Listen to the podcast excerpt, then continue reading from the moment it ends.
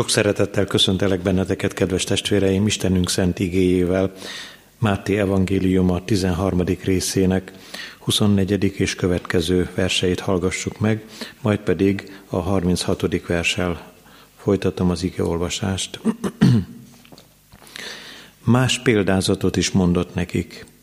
Hasonló a mennyek országa ahhoz az emberhez, aki jó magot vetett a szántóföldjébe de amíg az emberek aludtak, eljött az ellensége, konkolyt vetett a búza közé, és elment.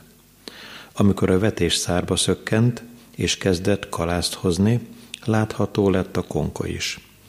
A szolgák ekkor oda mentek a gazdához, és ezt mondták neki, Uram, te jó magot vetettél a földedbe. Honnan került hát bele a konkoly? Ő pedig így felelt, Valamelyik ellenségem tette ezt. A szolgák erre megkérdezték. Akarod-e, hogy elmenjünk és összeszedjük a konkolyt? Ő azonban így válaszolt. Nem, mert amíg a konkolyt szednétek, kiszaggatnátok vele együtt a búzát is. Hadd nőjön együtt mind a kettő az aratásig, és majd az aratás idején szólok az aratóknak. Szedjétek össze először a konkolyt, kössétek kévébe, és égessétek el, a búzát pedig gyűjtsétek be csűrömbe. A 36. verstől Ekkor elbocsátotta a sokaságot, és bement a házba, tanítványai pedig ezzel a kéréssel fordultak hozzá. Magyarázd meg nekünk a szántóföldben nőtt konkoly példázatát. Ő pedig így válaszolt nekik. Az, aki a jó magot veti, az emberfia, a szántóföld a világ, a jó mag, a mennyek országának fiai, a konkoly, a gonosz fiai, az ellenség, aki elvetette a konkolyt, az ördög, az aratás, a világ vége, az aratók pedig az angyalok. Ahogyan tehát a konkolyt összegyűjtik és megégetik, úgy lesz a világ végén az emberfia elküldi majd angyalait, és összegyűjtenek az országából minden botránkozást okozót és gonosztevőt, és szüzes kemencébe vetik őket. Ott lesz majd csírás és fogcsikorgatás. Akkor majd az igazak fénylenek adjuk országában, mint a nap. Akinek van füle, hallja. Isten tiszteletünk kezdetén a 150. Zsoltár első versét énekeljük el.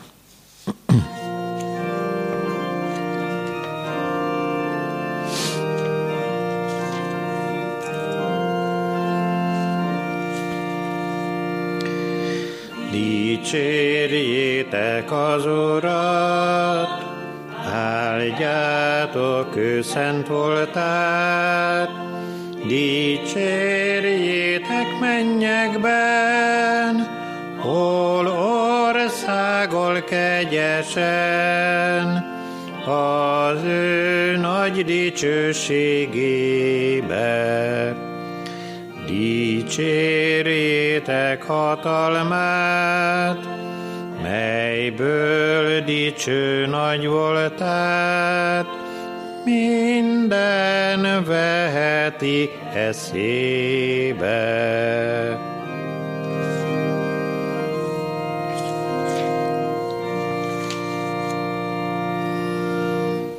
470. dicséretnek mindegyik versét énekeljük tovább.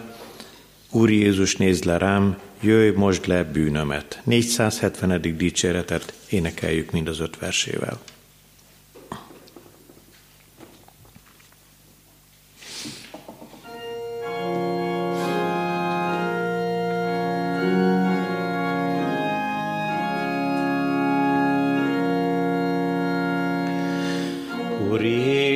Néz le rám, jöjj, mocs le bűnömet, sok földi szenvedély kötöz, jöjj, oldj fel engemet. Úr Jézus, néz le rám, gond és ő szolgád ízleje mígért, szent nyugodalmadat. Úr Jézus, nézd le rám, ne tévedhessek el, a menny felé sötéten át, te légy az úti jel. Úr Jézus, nézd le rám, ha nő a félelem, zúg és ellenség szorít, légy megváltom velem. Úr Jézus, nézd le rám, ha elvonult az ár, te szent erőd derítsen, és az örök napsugár.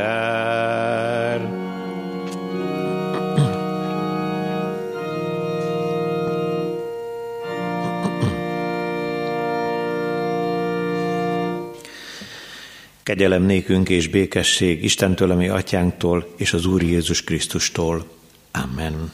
Hallgassuk, szeretett testvéreim, Istenünk üzenetét, ugyan, mint megszólít bennünket, Mózes második könyve, 8. részének 16.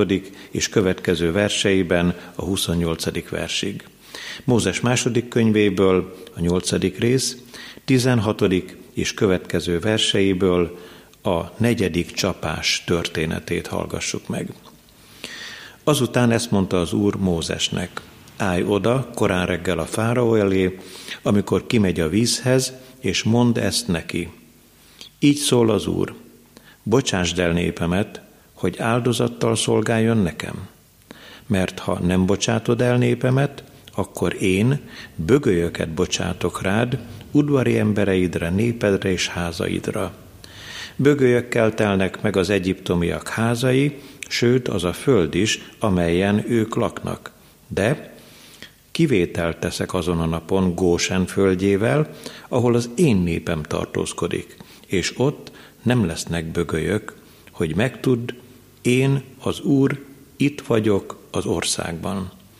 Így teszek különbséget az én népem és a te néped között. Holnap történik meg ez a jel. Az Úr így is cselekedett.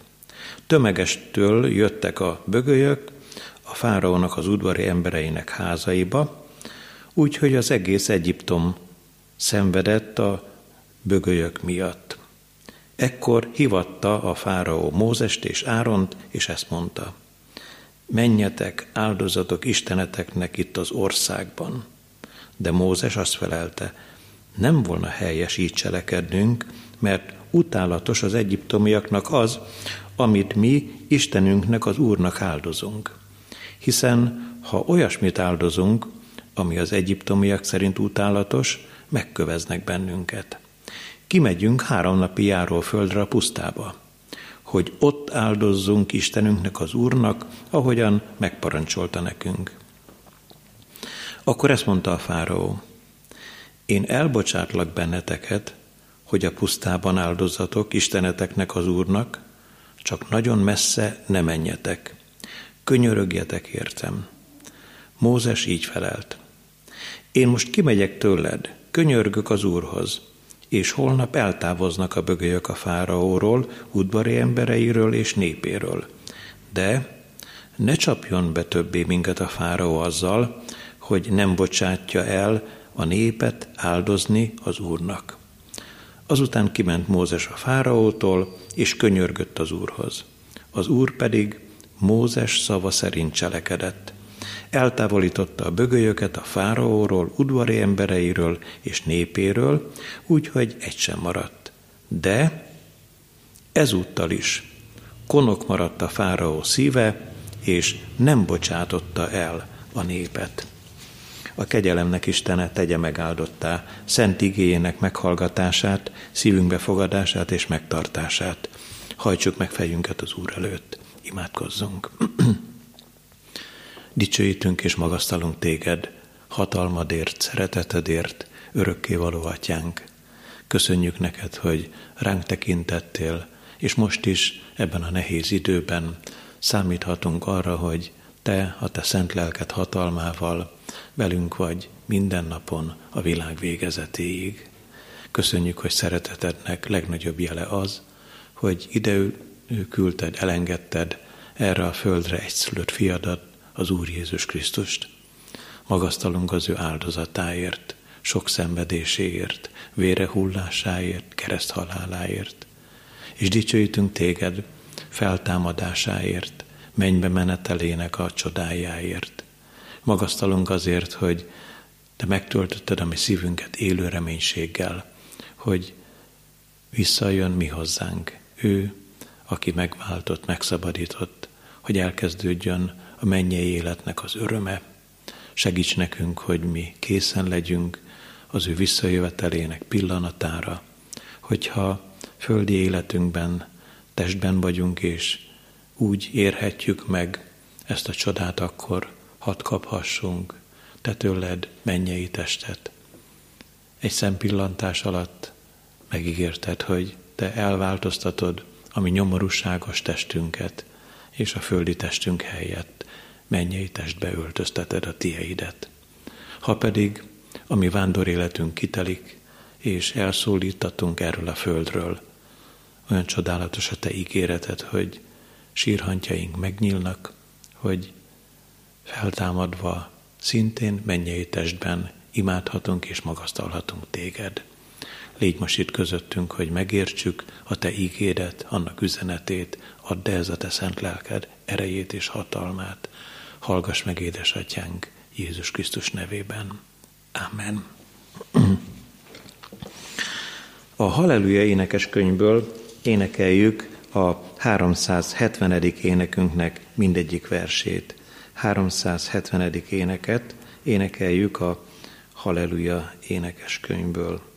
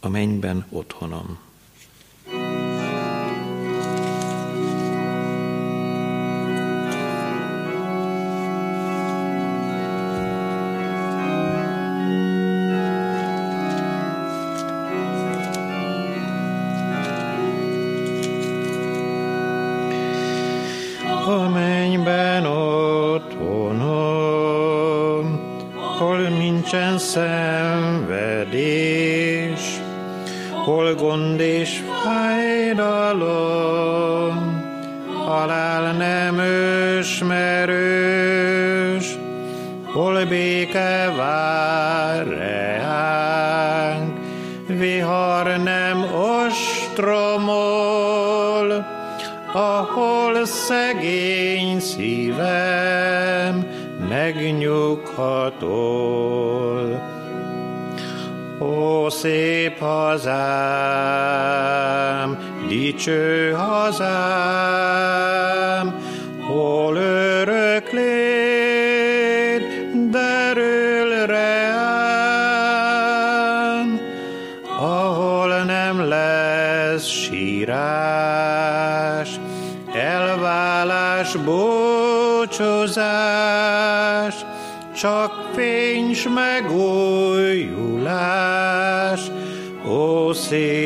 hazám.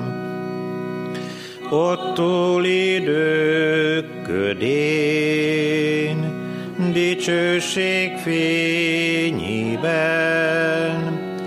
részpartod int felén, és látja már hitem, mit életfát terem, mit véred ad nekem, ott csendben boldogan élvezhetem. Ó szép hazám, dicső hazám,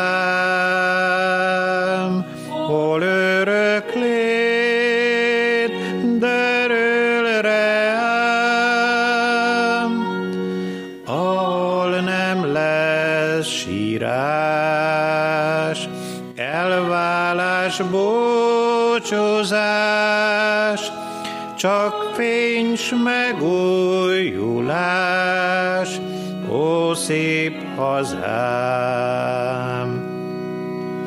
rám is gondolt, Uram, készített hajlokot, vére hulláséban,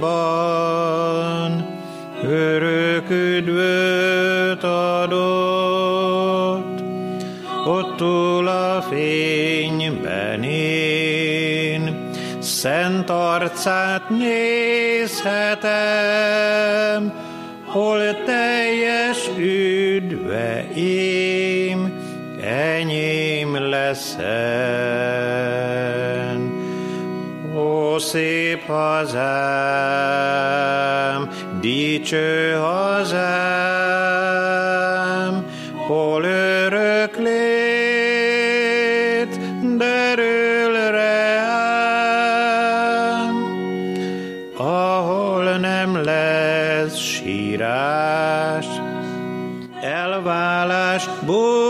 búcsúzás, csak fény s megújulás, ó szép hazám.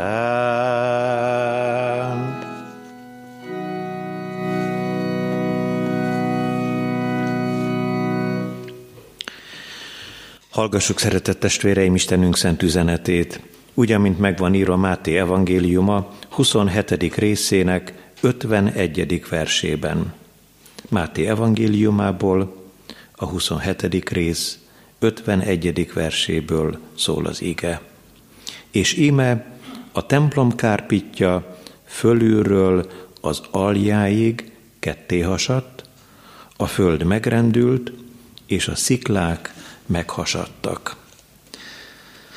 Kedves testvérek, haladunk tovább a csapásoknak a dolgaival. Most éppen a ö, negyedik csapás következik, amikor is a bögölyök jelentek meg Egyiptom földjén. A Károli Biblia egy kicsit ö, figyelmesebben fogalmaz, amikor így szól, ártalmas bogarak ezek. Nem tudjuk egészen pontosan megállapítani, hogy miféle kis állatok voltak, rovarok lehettek ezek.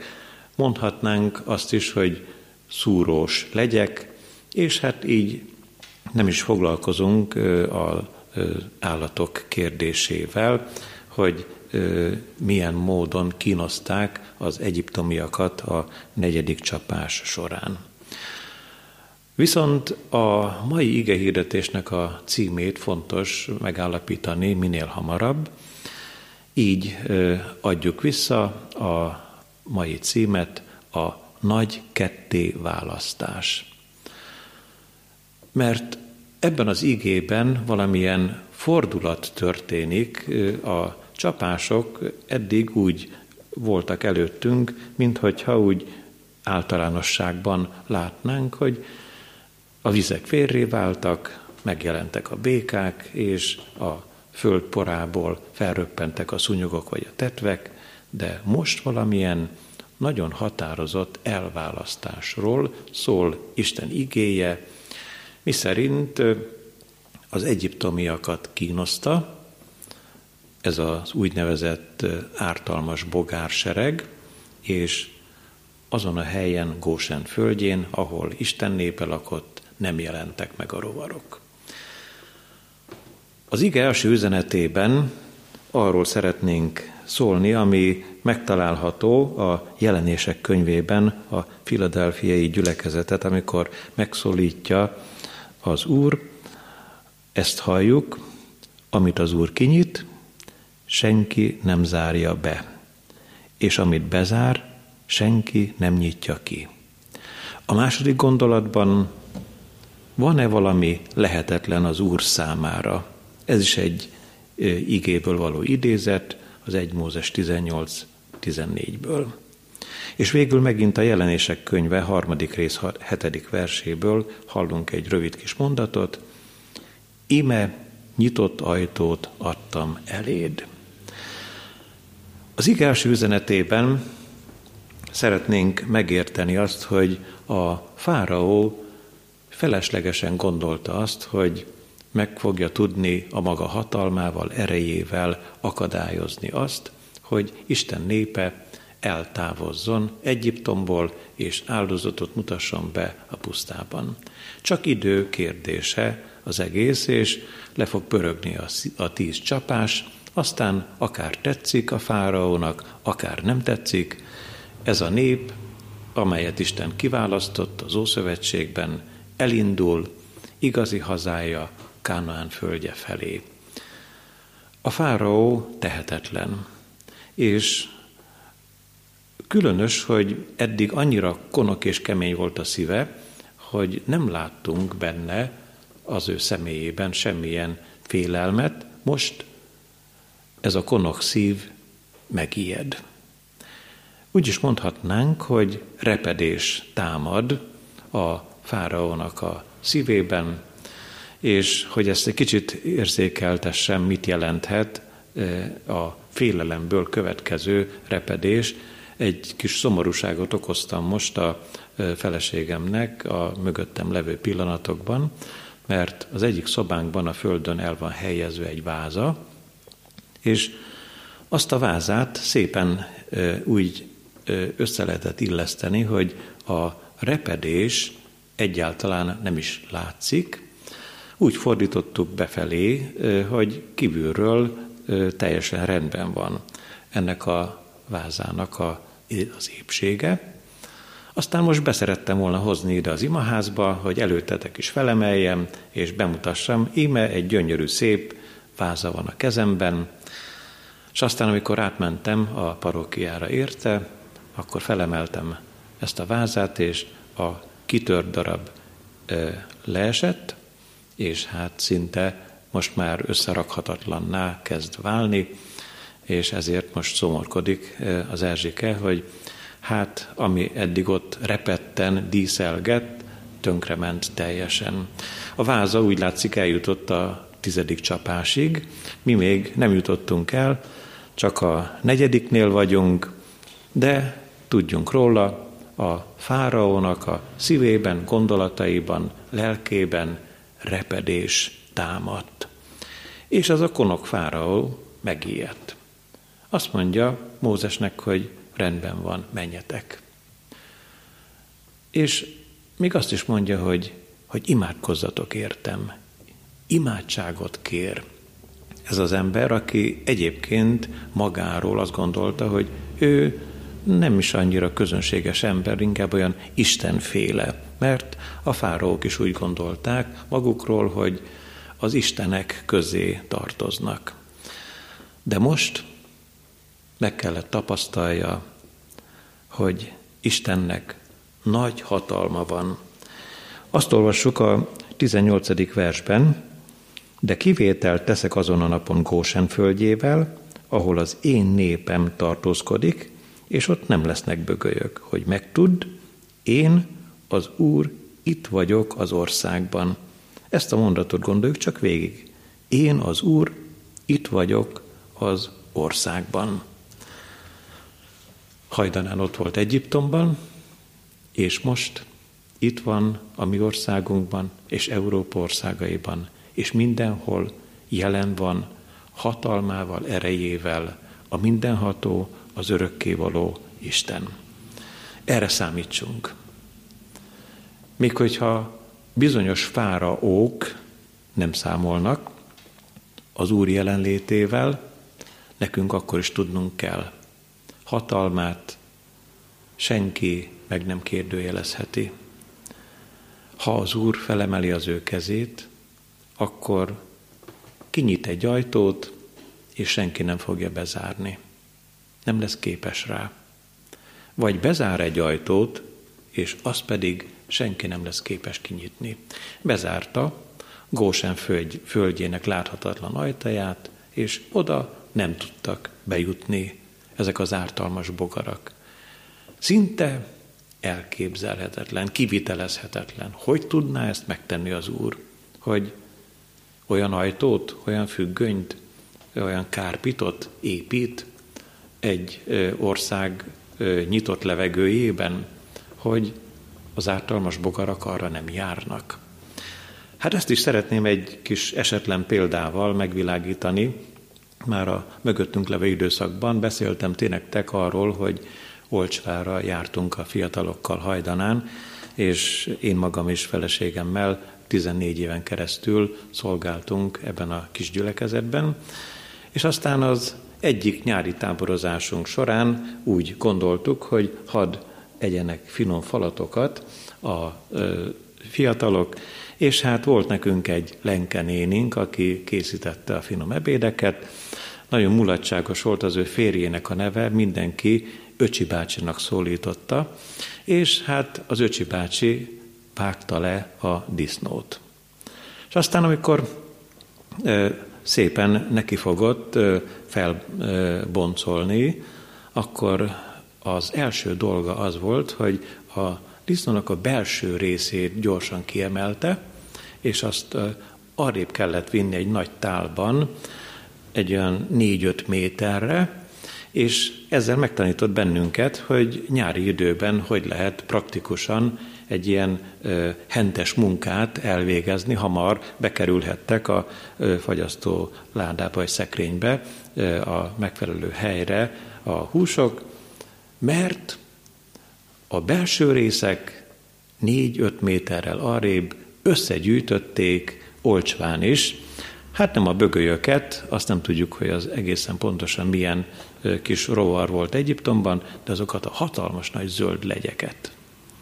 Hemzsegtek, hát nem tudtuk megszámolni, mennyi lehet, beborították a belső részét a levágott állatnak, mivel hurkát kolbászt nem készítettünk, viszont az egyéb húsok szépen rendben voltak.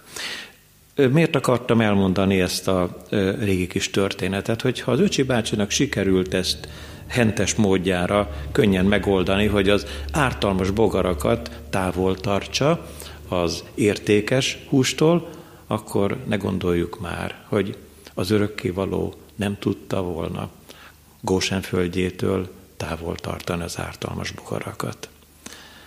Egyiptom viszont nem tudott megszabadulni a bögölyöktől képtelen volt rá. És itt a legfontosabb gondolatot szeretnénk kiemelni. A bűn is ilyen.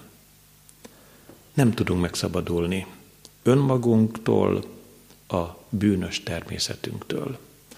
Kell valaki, aki a mi szabadítónk. Kell valaki, aki belép az életünkbe, és a bűnt elveszi amikor keresztelő János meglátta az Úr Jézust, az rámutatott, és azt mondta, íme, az Isten báránya, aki elveszi a világ bűneit. És pontosan így vagyunk mi is, hogy ha van készség a szívünkben, odaállni az Úr elé, Uram, szabadíts meg engem is, tedd tisztává az életemet, vedd el az én bűneimet, akkor megteszi az Úr, te veled is testvérem, én velem is megteszi. A bűn jobban tapad. Mindannyiunknak az életéhez, testéhez, lelkéhez, mint a koronavírus, jobban.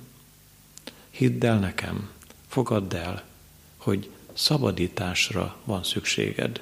Nem fogod tudni magadtól, megszabadítani magad. Lehet, hogy egy-két bűnre azt mondod, hogy na, erőt veszek magamon, és ezeket én többet nem fogom megtenni. Ilyen és ilyen szavakat nem fogok kimondani. Így és így nem fogok viszonyulni goromba módon házastársamhoz, gyerekeimhez, testvéreimhez. Aztán egyszerre csak azt veszed észre, hogy visszatér a régi természeted, hogy újra olyan vagy, mint amilyen eddig voltál, újra úgy beszélsz, ahogy eddig beszéltél, mert magadat akartad megszabadítani, és nem kérted az Urat, hogy szabadítson meg téged. Az ige második üzenetét tekintsük meg. Van-e valami lehetetlen az Úr számára? Honnan is van ez az idézet? Amikor Ábrahámot és Sárát meglátogatják az angyalok, az Isten küldöttei, és jön a jó hír, Sárának gyermeke fog születni, Sára nevet. És az angyalok meghallják, és figyelmeztetik Ábrahámot. Sára, te feleséged nevetett azon, amit mi mondtunk, és egy kérdést tesznek fel. Van-e vajon valami lehetetlen az Úr számára? És azért ez egy összegző gondolat. Hadd mondjuk el azonnal, nincs. Nincs lehetetlen az Úr számára. Nemrégiben mondtam el egy gimnáziumi iskolatársamnak a, az élettörténetét. Fiatalon kerültek össze az ő feleségével, és 25 év után született meg, nem tervezetten, örömükre, boldogságukra az első gyermekük. Ez egy hatalmas csoda, és most más szempontból szeretnénk meglátni, hogy van-e valami lehetetlen az Úr számára. Hát, hogyha a bögölyöktől nem tudtak megszabadulni az egyiptomiak, akkor vajon, amikor a természeti erőknek parancsol az Úr, kisebb lenne ő? Hiszen ketté nyitotta később az egyiptomi szabadítás során a vörös tengert, és száraz lábbal mehettek át ezen a tengeren Isten népének tagjai Mózes vezetésével. Józső idejében a Jordán folyóját nyitotta ketté az Úr, és szépen átvihették a szentládát, benne a tíz parancsolattal, a két kőtáblával, és átmehetett ezen a folyón Isten népe, úgy, hogy szintén csodát éltek át. Lehet, hogy ti magatok is hallottátok már sok-sok embertől, hogy hogyan gúnyolódnak, amikor Isten igéjében azt olvassuk, hogy Jézus Krisztus a viharzó tengeren jár, és megközelítette a tanítványoknak a, a hajóját, és még Péter is kilépett a hajóból, és ő is szeretett volna járni a vizen, és aztán a szavára, az Úr ö, egy rövid kis mondatára a hatalmas vihar elállt, és a szél is, és a vihar engedett, az Úr ö, üzenete nagyon határozott volt a természeti erőkkel szemben is. Hát én szeretném hirdetni, te neked is testvérem, hogy bár gúnyolódjon sok-sok ember ezeken a drága bibliai igéken, én teljes biztonsággal szeretném a szívedre helyezni, hogy ha van ezen a világon hiteles könyv, szerintem sok hiteltelen könyvek fekszenek a saját könyves polcainkon is, meg a könyvtárakban is, de egy hiteles könyv teljesen biztosan van, ez pedig a Szentírás. És 2 Péter 1.21-ben olvassuk azt, hogy a Szentlélektől indítatva szóltak az Istentől küldött emberek. Ha te szeretnél pontos információt, ha szeretnél a holnapra, a jövőre nézve biztos útmutatást keresni, akkor kutassad az írásokat, olvassad az Isten igéjét, és nem fogsz eltévedni, mert az Úr ezen keresztül drága igéjén át üzente neked. Üzen arról, hogy bizony lesz egy nagy kettéválasztás. És erről azért az igéből is hadd olvassak néhány rövid kis gondolatot Máté evangéliumából, a 24. részből keressünk meg néhány igeverset, a 40. verstől hallgassátok csak, akkor ketten lesznek a mezőn, egyik felvétetik, a másik ott hagyatik. Két asszony őrül a kézi malommal, az egyik felvétetik, a másik ott hagyatik. Vigyázzatok tehát, mert nem tudjátok, melyik órában jön el a ti uratok. Másik evangéliumban még arról is olvasunk, hogy ketten lesznek egy ágyban, és egyik felvétetik, a másik ott hagyatik. Ahogyan a negyedik csapás során Kósen földjén nem voltak ártalmas bogarak, Egyiptomban pedig kínozták a népet a bögölyök, úgy lesz egy nagy elválasztás. Az Úr Jézus visszajövetelekor, és erre te neked is testvérem, nekem is, mindannyiunknak készülnünk kell, hogy legyen tartalékolajunk is a korsóinkban, és lobogjon a világító fákjánk, nem másról van szó, mint hogy a szívünkben élő hit vágyakozás legyen a Jézus Krisztus visszavárására, hogy amikor megjelenik az ég felhőjén, ott lehessünk a megdicsőültek között. Az ige utolsó üzenetéhez érkeztünk el. Íme nyitott ajtót adtam eléd. A lehetetlen vált lehetségessé. Amikor is azt olvassuk az ígében, hogy az Úr Jézus, amikor az, az ő atyának a kezébe letette az életét, és a kereszten meghalt, a templom kárpitja a tetejétől az aljáig ketté hasadt. Miért mondjuk, hogy lehetetlen dolog történt, és vált lehetségesé? Mert a szentek szentjébe a főpap mehetett be egy évben csak egyszer. És egy nagyon határozott, elválasztó vonal volt ott a kárpit. És most a kárpit lehullott. Mit is jelent ez a mi számunkra? Azt jelenti neked, hogy megnyílt számodra is az út a mennyvilágába.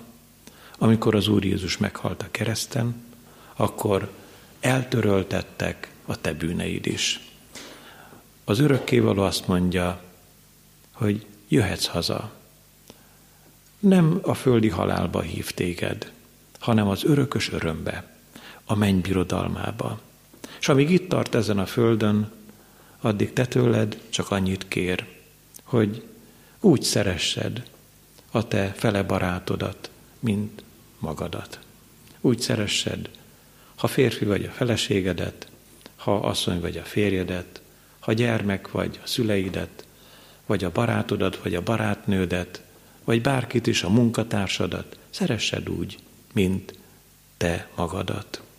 Ha szembenézünk ezzel az ígével, nem keseredik el a lelkünk. Mennyi kegyetlenség, szomorúság, fájdalom, tragédia van munkahelyeken, családokban, vérszerinti testvérek között. Tudjuk mi úgy szeretni a másik embert, mint önmagunkat. Nézzétek csak Ábrahámtól egy kicsit többet kér az örökkévaló. Azt mondja, hogy Ábrahám, te szeress engem jobban, mint a te egyetlen fiadat Izsákot. Hozd csak ide, és a Mória hegyének egyikén áldozt fel. És megy Ábrahám, és remélem tudjuk a történetet, nagyobb részt mindannyian, mikor magasba emeli a kést, hogy megöli az ő fiát, azt mondja az örökkévaló, hogy nem kell. Most már tudom, hogy szeretsz. És ott van a bárány, akit feláldozhat Ábrahám, és a szívéről egy hatalmas nagy kő hull le, mert kiderült, hogy tényleg, őszintén és igazán szereti az Urat jobban, mint az ő saját fiát. És hogyan szeret az Isten? Nézzétek csak, ott a kereszten ő maga halt bele a mi bűneinkbe, mert az Atya egy Jézus Krisztussal, és a Fiú egy az Atyával, és egy az Atya a Szentlélekkel, és a Szentlélek egy a Fiúval. Pedig a Gecsemáné kertben hogyan is hangzott a véres verejtéket hullató Jézus Krisztusnak az ajkáról az imádság. Atyám, ha lehetséges, múljék el tőlem e keserű pohár. És a válasz erre nem így van leírva az ígében, de az értelme. Ez neked meg kell halnod, és hadd jöjjenek a mennybe azok, akik te benned hisznek. Micsoda ára volt annak, hogy megnyíljon a menny előtted. Luther Márton azt mondja, ingyen kegyelemből, hitáltal tartattatok meg, ez benne van az ígében is, de hozzátette, az ingyen kegyelem nem olcsó kegyelem, sőt a legdrágább.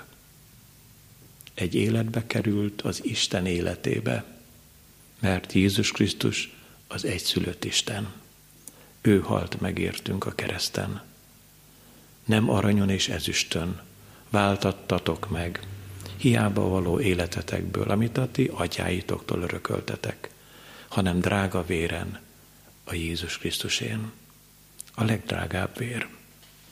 Nincs fogható ehhez, és most azzal zárjuk a mai bizonyságtételt, hogy egy pillanatra gondol csak végig, szeretett testvérem, amikor már a tizedik csapás is befejeződött, és Mózes az ő népével, azzal a körülbelül kettő millió emberrel ott van, a vörös tengernek a partján. És az Úr megengedte, hogy a vörös tenger ketté nyíljon. A vizek falként álltak, és előttük volt a nyitott meder. Mózes elindult, és nyilván hívta az ő népét, jöjjetek. Tudjuk, hogy átmentek mindannyian a túlsó partra. Még Miriam táncot is járt boldogságában, örömében, a Vörös-tengernek a túloldalán mindannyian megmenekültek. Szeretném én megkérdezni te tőled, mi történt volna ezzel a néppel, ha azt mondják Mózesnek, hogy te mi nem lépünk be ebbe a mederbe. Mi ilyen veszélynek nem tesszük ki az életünket. Mi lesz, hogyha összezáródnak a vizek? Mindannyian itt pusztulunk el. Tudjuk, hogy nem így történt. Tudjuk, hogy az Úr megmentette ezt a népet. De tudjuk azt is, hogy a fáró meg a hadserege szintén megpróbálta, hogy átmenjenek ezen a nyitott úton, nyitott ajtón, de belevesztek a vörös tengerbe. Íme nyitott ajtót adtam eléd. A fáró elé nem, a választott nép elé igen. A Jézus Krisztusban hívők elé igen, az Úr Jézust elutasítók elé nem. Gondol végig, szeretett testvérem, mi lesz veled? Ha nem indulsz el az Úr szavára, ha nem él Jézus Krisztus a te szívedben, ha nem velem így, mint ahogyan az Emmausiak vele mentek, bár nem tudták, hogy az a kedves idegen, maga Jézus Krisztus, de Jézus velük vándorolt. Az Úr Jézus vállalni akar téged, és vajon te vállalod-e őt? Mégye vele a kegyelem idejében. Szeretne megmenteni, szabadítani. A nagy kettéválasztásban neked életet ígér, ha hiszel ő benne. Amen. Válaszoljunk az íge üzenetére, énekelve a 455. dicséret első versét.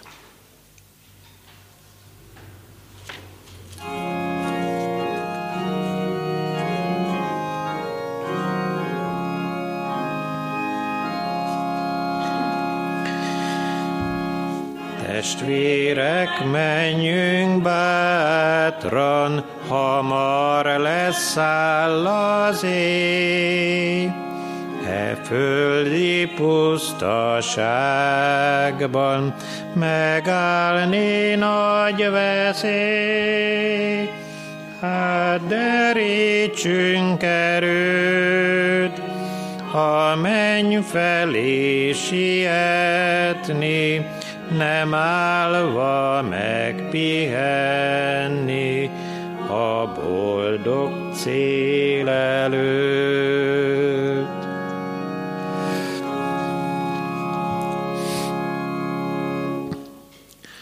Dicsőítünk és magasztalunk téged, drága atyánk, hogy új és élő utat nyitottál meg, amikor fiad áldozata megtörténhetett a kereszten. Köszönjük, hogy a kárpit teljesen megnyílt tetejétől az aljáig, ketté hasadt. Köszönjük, hogy olyan utat nyitottál meg, amelyet mi a magunk erejével, magunk képességeivel megközelíteni sem tudnánk, nem hogy megnyitni, de olyan csodálatos, hogy a szívünket megnyithatjuk előtted, hogy esendő törékeny bűnökkel megterhelt életünket oda vihetjük a Te kereszted alá, Jézus Krisztus. Köszönjük, hogy a, az aláhulló vér elég arra, hogy megszabadítson bennünket minden bűnünktől, hogy eltörölje a mi álnokságainkat.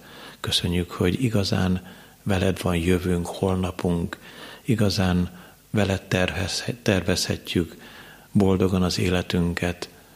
Segíts nekünk, hogy megértsük hívásodat, hogy felfogjuk a te csoda dolgaidat, hogy ne a mi földi életünknek az elfutó éveire, évtizedeire gondoljunk, hogy valamikor ifjak voltunk és megöregettünk, hogy valamikor egészségesek voltunk és most beteggé lettünk, és most a halál várna rejánk, segíts nekünk, hogy egészen világosan hadd lássuk a Te ígéretedet, a menny örömét, a mennyi életnek a csodáját, ad, hogy boldogan tudjunk előre tekinteni a Te országod eljövetelére, a Te megjelenésedre, drága megváltunk az ég felhőjén, a veled való boldog kapcsolatot építsd meg már itt ezen a földön, mindannyiunk szívében. Áld meg a betegeket, szenvedőket, szomorúakat. Köszönjük, hogy amíg itt jártál ezen a földön, olyan nagy részvétel és szeretettel ölelted át őket. De neked most is ugyanilyen hatalmad van, hiszen a te szent lelked erejével közöttünk vagy, ezért oda ajánljuk azokat a testvéreinket, akik nagyon nagy, súlyos próbák alatt vannak, vigyázz rájuk, vigasztald őket, bátorítsad az ő szívüket velünk együtt. Hallgass meg, édesatyánk, Jézus Krisztus nevében. Amen. Együtt mondjuk el az Úr Jézus imádságát. Mi, atyánk, aki a mennyekben vagy, szenteltessék meg a te neved. Jöjjön el a te országod, legyen meg a te akaratod, amint a mennyben, úgy a földön is.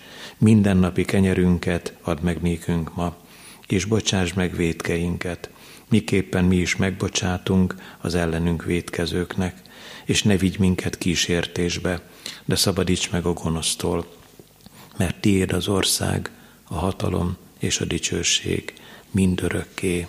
Amen. Mindezeknek utána az atyának kegyelme, a fiúnak szeretete és a Szentléleknek közössége legyen és maradjon minnyájunkkal. Amen. Befejezésül a 463. énekünk negyedik versét énekeljük el. Legközelebb, csütörtökhöz közeledve biblióránkon fogunk hallani igét, meg hát természetesen mához egy hétre. Bár adnám meg az Úr, hogy már itt a közösségben, a gyülekezetben, de ha nem, akkor interneten keresztül gondolunk rátok sok szeretettel. 463. dicséret, negyedik verse így kezdődik, Isten élő lelke, jöjj, győzedelmet adj.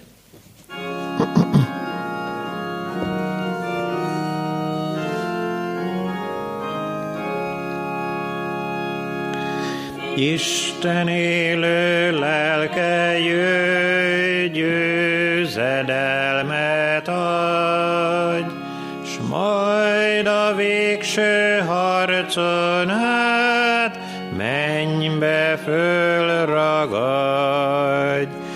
Oldj fel, küldj el, tölts el tűzzel, Isten élő lelke jöjj, győzedelmet.